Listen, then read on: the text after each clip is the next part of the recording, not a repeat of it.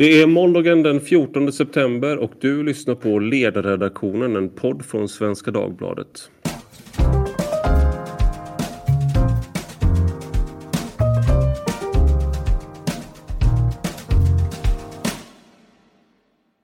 Jag heter Ivar Arpi och idag ska vi prata om det som har varit på alla släppar den senaste tiden. Klaner. Och vem bättre att ta med sig då än Per Brinkemo som är föreläsare och författare och som har specialiserat sig på just klaner. Välkommen! Tack så mycket!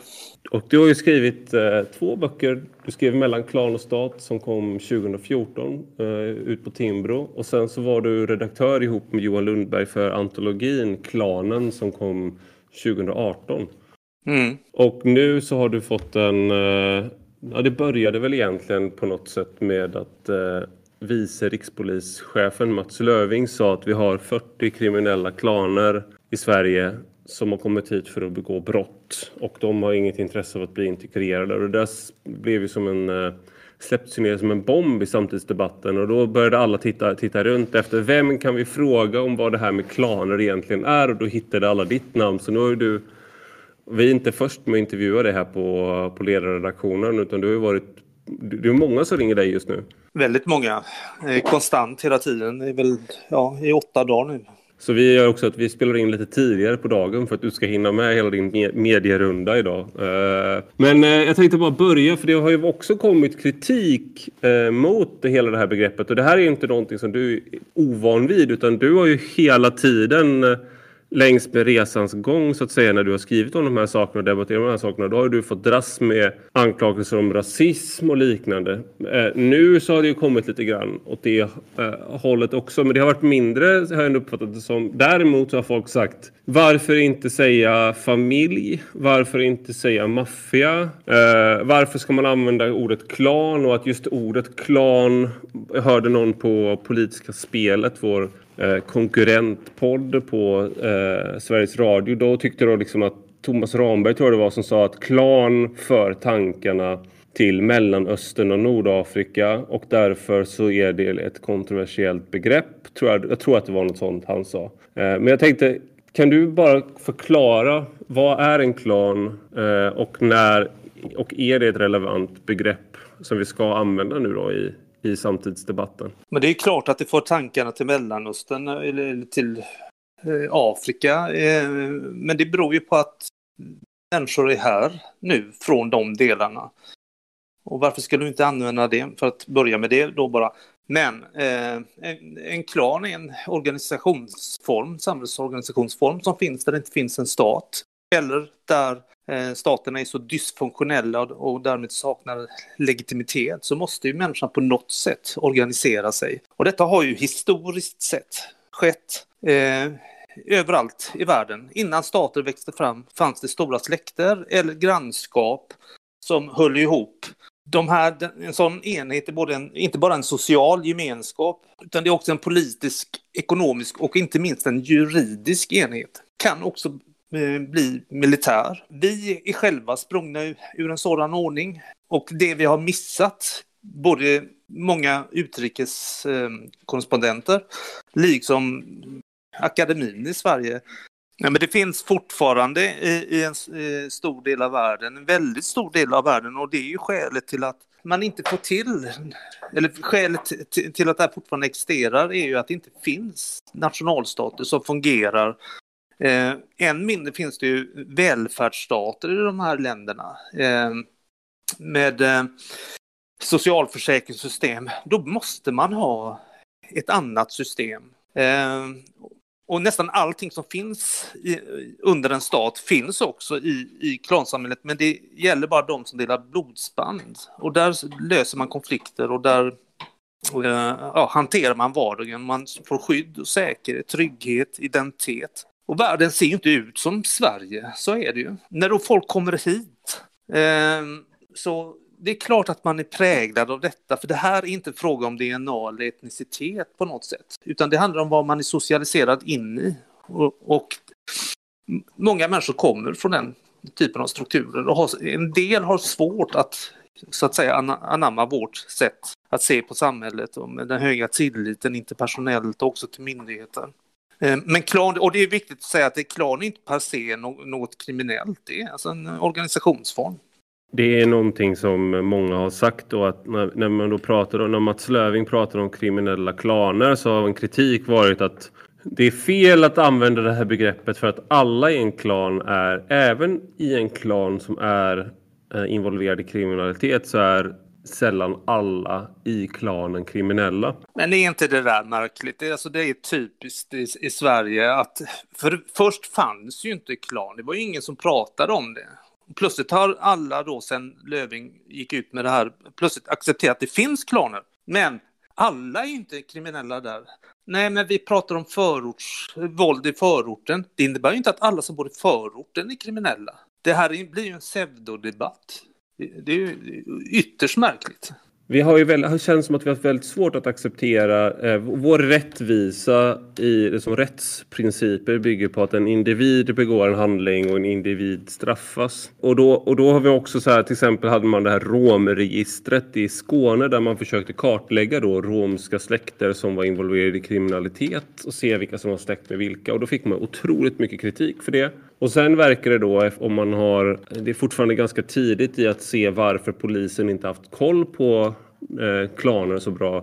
Eh, men en anledning verkar vara just att man har varit, det satt ett prejudikat, eh, inte juridiskt, men det satt en eh, att, att man helt enkelt inte ska hålla på och kartlägga släktband för att man då i, i och med att man gör det så kartlägger man också individer som kanske inte är brottsmisstänkta.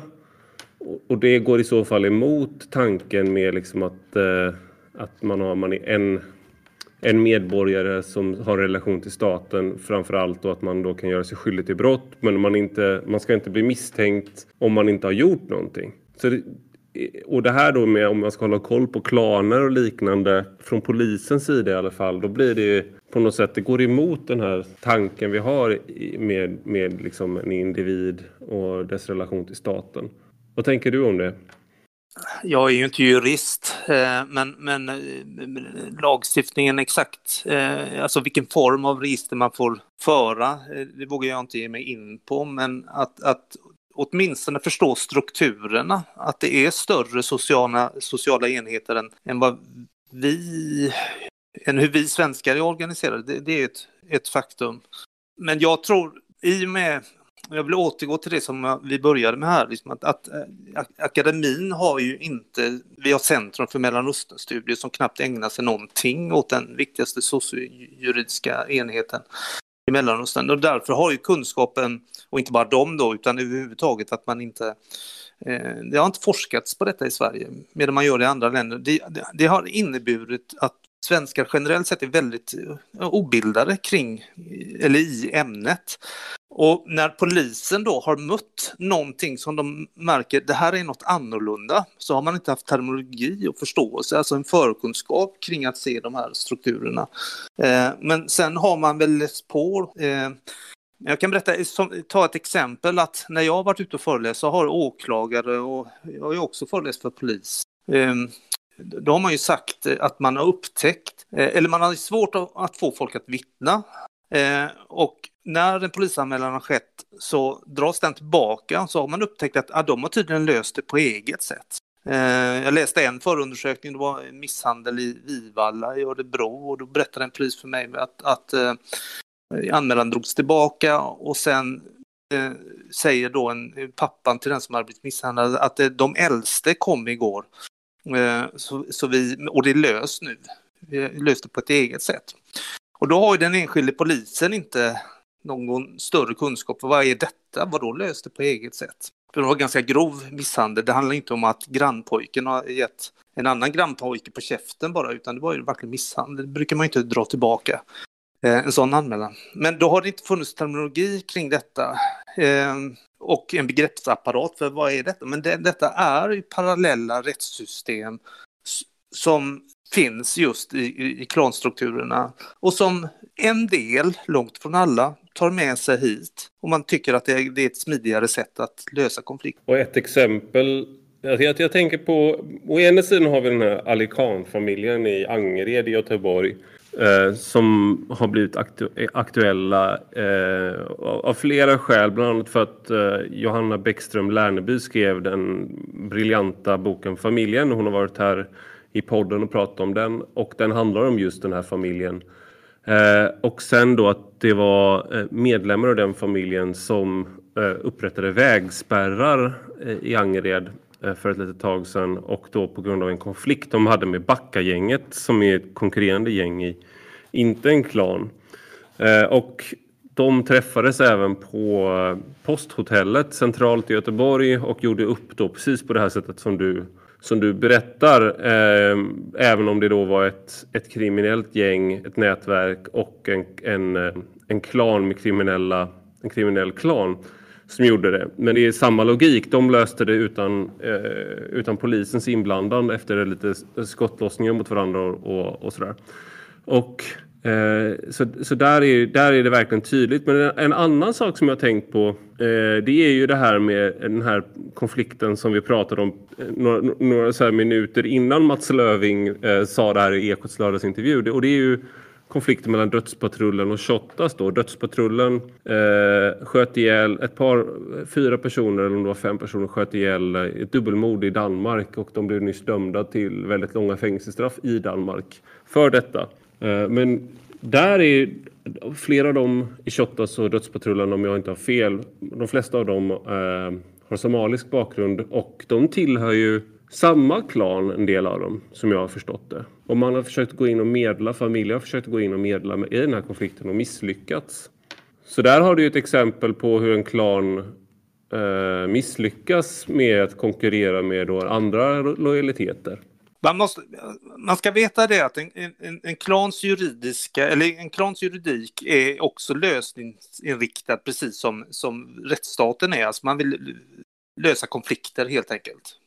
Eh, men det finns, det finns ju grupper som de här killarna, vad jag då förstår, de är sprungna ur en klanstruktur, men de har inte accepterat vare sig de traditionella konfliktlösningsmetoderna och heller aldrig blivit en del av de statliga systemen så att säga, har ingen respekt för någon av dem. Och de löper amok däremellan. Utan normer, utan, utan något korrelat, moraliskt korrelat. Eh, och polisen, när jag har pratat med poliser och åklagare och andra så delar de ju upp kriminaliteten i, i tre grova drag. Att vi dels har mc-gängen, vi har de lösa grupperingarna som då löper amok mellan så att säga klan och stat. Eh, där är lojaliteten oftast väldigt svag och förr eller senare så, så, så ja, tror jag att då kommer de lösas upp. Och sen pratar man då om den mer institutionaliserade eh, gruppen, alltså med klankriminella, där basen är en utvidgad familj eh, som har börjat kanske med, med välfärdsfusk, eh, ehm, utnyttjat socialförsäkringssystemen eller, eller blandar vita och svarta affärer. Eh, så tre, tre olika grupper eh, för att liksom få någon ordning i skallen på vad som är vad. Jag, vet, eh, du, jag vet att eh, när Mark, Mark Weiner eh, som är jurist, han eh, släppte en bok som heter Klanvälde från stamsamhälle till rättsstat 2015. Och han menade, det just, han menade då liksom att man skulle kunna se även de här mc-gängen och de många kriminella gäng som postmoderna varianter av klaner. Att man tar över en del av tankesätten där man, liksom, man erkänner inte staten och man, har, man löser konflikter själv. Man gör det med våld och man kan medla men man, är, man använder till och med ett språkbruk menade han som, som är man anammar det här blodsbaserade språkbruket som man har i klaner. Man kallar varandra för blodsbröder eller bröder och liknande. Nej, men jag håller, jag håller helt med. Man, det, det, det fungerar inte samma principer och språkbruket är likadant och det är blodshämnden och ehm, eh, eh heders konceptet så att säga. Men, men det bygger inte då på blods, eh, det, eh, blodsband utan det bygger på medlemskap där.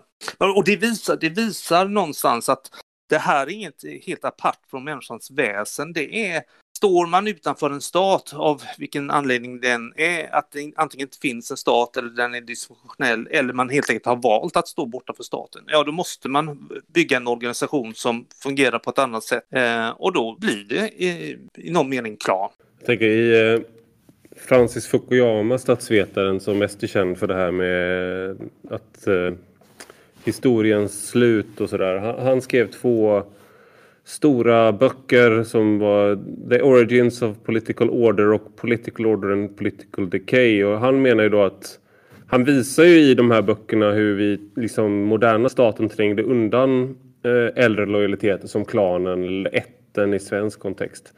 Men att det de tog är fantastiska. Lång... Ja, de är helt otroliga. Och det, men det tog väldigt lång tid. Och han visar ju att det krävdes väldigt hårda tag. Det var en erö man erövrade våldsmonopolet. Eh, och man började då liksom konkurrera ut klan och ett. Eh, genom att man eh, erbjöd till exempel då bidrag.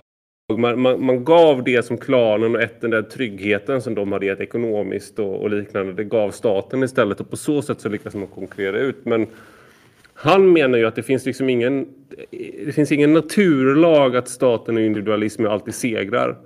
Och sen också att i, även i moderna och lyckade stater så finns de här äldre lojaliteterna kvar och bubblar. Och det är väl lite det jag tänkte fråga dig om då att eh, det kanske, vad, vad, kan man göra? Eh, för många av de sakerna så jag tänker på när man har när, vad ska man säga, när England fick bort de skotska klanerna. Då gjorde man ju det genom att man helt enkelt gick upp i högländerna och flyttade folk från högländerna ner till lågländerna där de var lättare att kontrollera. Och begick, liksom, det var ju massakrer som skedde ja, på högländare. Ja. ja. Det var väldigt lyckat i bemärkelsen att de skotska klanerna efter det blev uh, kitsch. Det blev liksom att de tappade sin, den, det, det reella innehållet i stor del. Sen hade man en annan åtgärd. Man införde allmän värnplikt. Eh, Man satte de unga skånska männen i eh, den brittiska armén. Och än idag är skottarna överrepresenterade där. De alltså gick in och tjänade staten. Vi har ett e-, liknande exempel från Sverige. Magnus Ladulås som, som i Alsnö stadgar eh, slår fast, eh, eller säger till de andra ätterna att om ni ställer upp med en häst och ett svärd och tjänar staten så slipper ni skatt. Och då fogades ätterna, de här konkurrerande ätterna, eh, konkurrerande till Bjällboätten eh, in i statsapparaten och kom att och, och detta kommer att kallas ändå frälse eller adeln så att säga, men ursprunget är här. Och man eh, kom att primärt att arbeta inom eh, militären eller eh, på UD så att säga, eller på, som diplomater. Eh, och där, där, man ser att väldigt många av dem som har adlig bakgrund eh, ja, har jobbat inom de här två fälten, att, att tjäna staten. Men det har långa rutter. Men det försiggick ju också eh, brutal, eh, brutalt våld mot dem som inte Birger Jarl som hugger huvudet, alla IS-metoden eh, i Härryvards strand utanför Precis, men också med alla IS att IS är en av de eh, moderna organisationsformer som har varit väldigt effektiva på att konkurrera ut klanerna i de områden de har tagit över. Eh, och det är ju att de har ju, de har ju intim kunskap om hur klaner funkar, självklart. Men också att de har, varit, de har inte varit rädda för att använda väldigt brutalt våld och det har varit väldigt lyckat om man då i bara bemärkelsen utfall mot en klan eh, jag, ingen värdering i liksom att IS på något sätt skulle vara en bättre organisationsform, verkligen inte. Men det jag undrar då, när man liksom går tillbaka och kollar på hur staten, den moderna staten under sin framväxt konkurrerade ut konkurrenter. Idag så har vi ju liksom en helt annan eh, eh, acceptans för, för våld och eh, vi anser att det inte är så önskvärt att göra en del av de sakerna som man gjorde för 500 år sedan såklart. Vad kan man göra idag för att eh, liksom få bukt med avarterna av, eh, av det här? Ja, det är ju den stora frågan. Men eh, innan vi kommer in på det vill jag gärna bara lyfta det också som har skett i nutid. Där man tar det Irak, Saddam Hussein som var tillhör en klan som tog makten över staten. Som ville ha bort, han var ju, tillhörde, han var ju socialist, tillhörde Baath-partierna, eller partiet. Eh, men de här krafterna var så starka så att han, för att få med sig folket någorlunda, så gav han mandat åt eh, klanen att skipa rätt på egen hand. Så juridiken kom att förbli i hög utsträckning, inte till 100 procent, men i hög utsträckning eh, klanbaserad. Eh, helt enkelt för att få legitimitet och få stöd. Gaddafi var ju likadant. Han tillhörde en, en klan som hette Gaddafi-klanen. Han tog makten över staten. Eh, han eh, hade en koalition med andra klaner. Det finns en fantastisk dokumentär som, ligger, som gick på SVT Play för några år sedan. Eh, om man söker på, på Youtube då. Eh, där man kan se, eh, få detta förklarat för sig. En fransk dokumentär.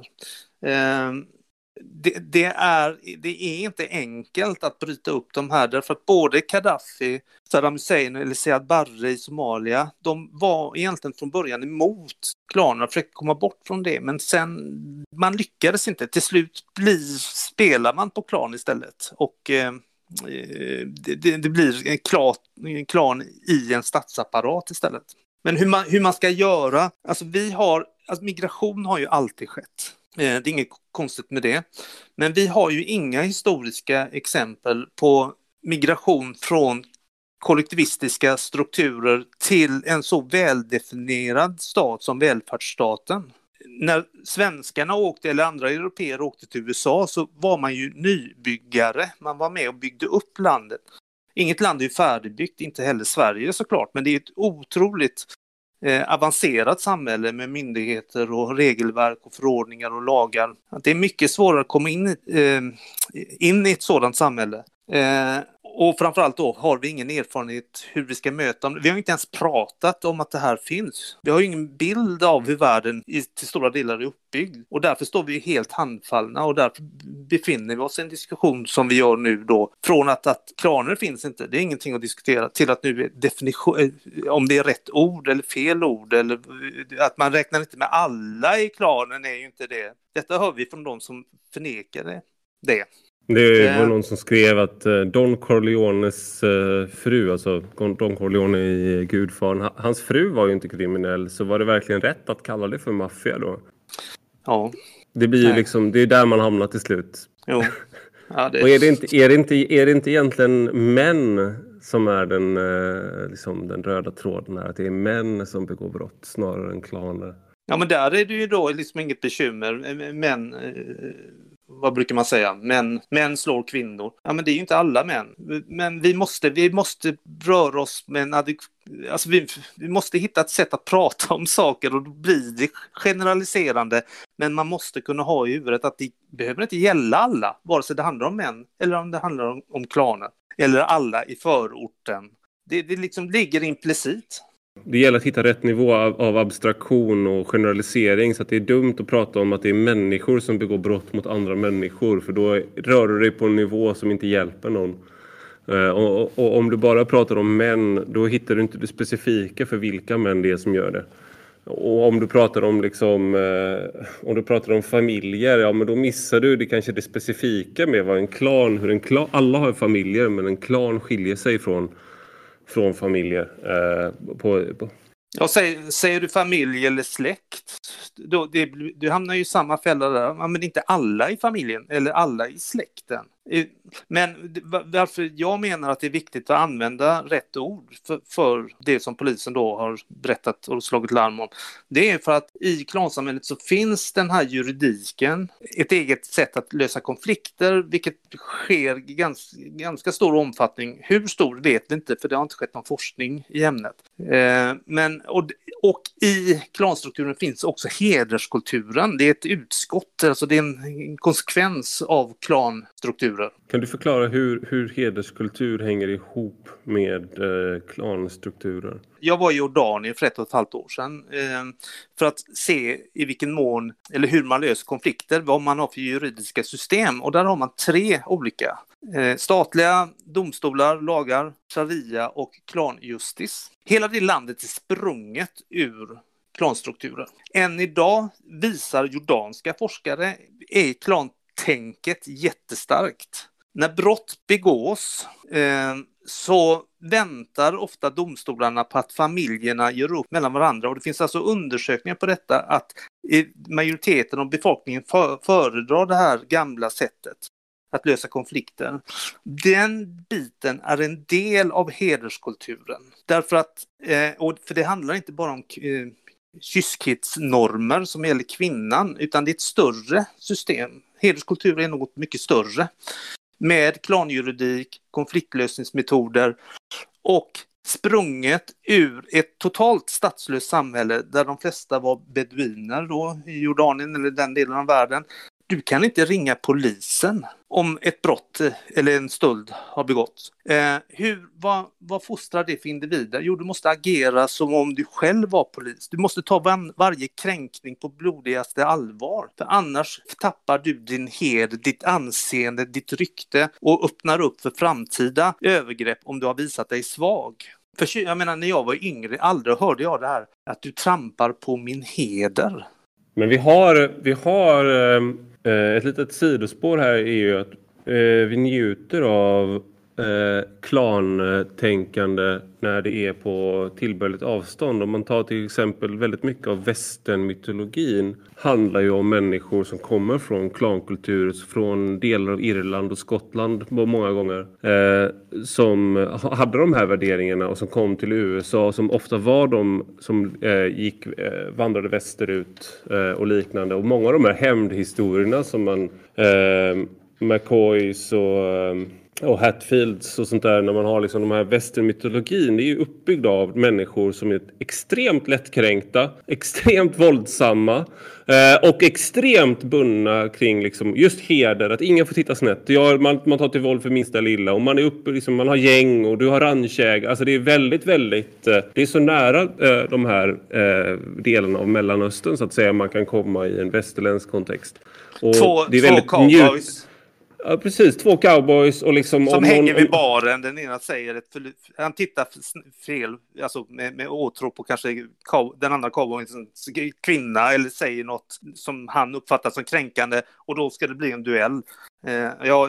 Ond, bråd, död liksom. Och allt det där är, det är, liksom, det är, nju, det är njutbart när det är på den, den nivån för oss. Och det, för att det finns i liksom, det är väldigt, jag tycker ju många av de här sakerna, om jag ska säga på en personlig nivå, så tycker jag att det är extremt lätt att förstå eh, och förstå exakt hur man tänker. Att man vill, man vill själv... Det är därför liksom om du kollar på filmer och böcker och liknande. När greven av Monte Cristo när han utkräver hämnd själv mot sin gamla vän som tog hans fru och satte honom som fånge på en ö och sen duellerar ner honom själv med sin egen värja. Det hade varit jättemycket tråkigare bok om han gick till kungen eller till en domstol och fick honom dömd till tio års fängelse och sen fick han komma ut efter två tredjedelar av tiden. Det hade inte varit alls lika bra. Eller ta Take, ta Taken med Liam Neeson, det blir tre filmer liksom. Att han istället går en lång process via myndigheter för att hitta sin dotter och få hjälp av liksom e- Europol och, liksom det är bara, och, de, och de som är varit skyldiga de blir dömda till fängelse.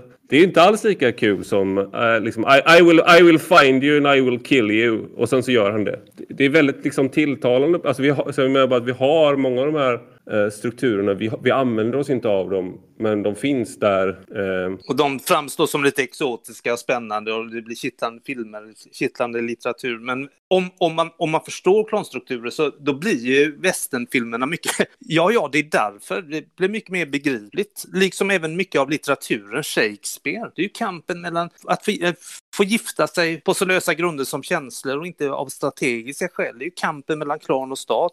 Eller Dante brukar vi läsa in, och det har Johan Lundberg visat väldigt bra, som för övrigt var medredaktör till klanen då, det kanske du sa.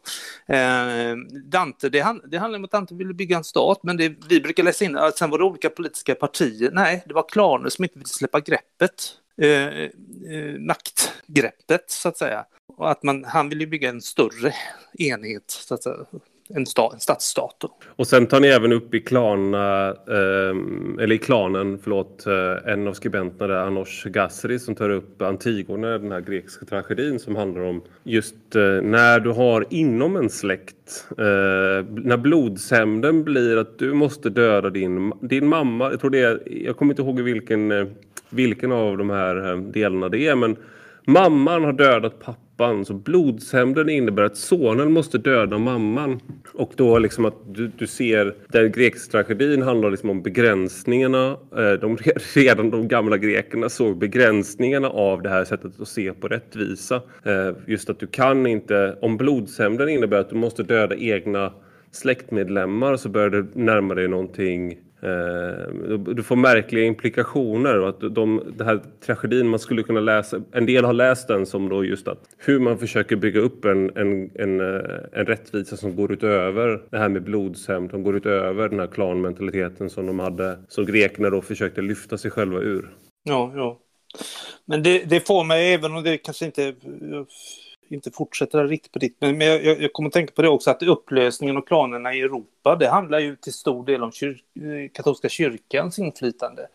Jag tror inte att de hade en medveten strategi så att, att nu ska vi lösa upp klanerna för att bygga eh, nationalstater, men man, man förbjöd till exempel kusingifte. Man ändrade arvs reglerna och det var ju egentligen skett av, av rent eh, maktanspråk från katolska kyrkans sida. Och så ersatte de klanen med välgörenhet via kyrkorna och, och så vidare. Och sakta men säkert löstes det upp. Eh, ja, jag tror att det är förmätet att säga så, men i många stycken så har vi läst vår historia fel. Eh, vi har inte sett den osannolika, att det var möjligt att bygga en nationalstat och få människor att faktiskt känna en slags lojalitet och ett slags vi med människor som man inte alls känner med så hög tillit.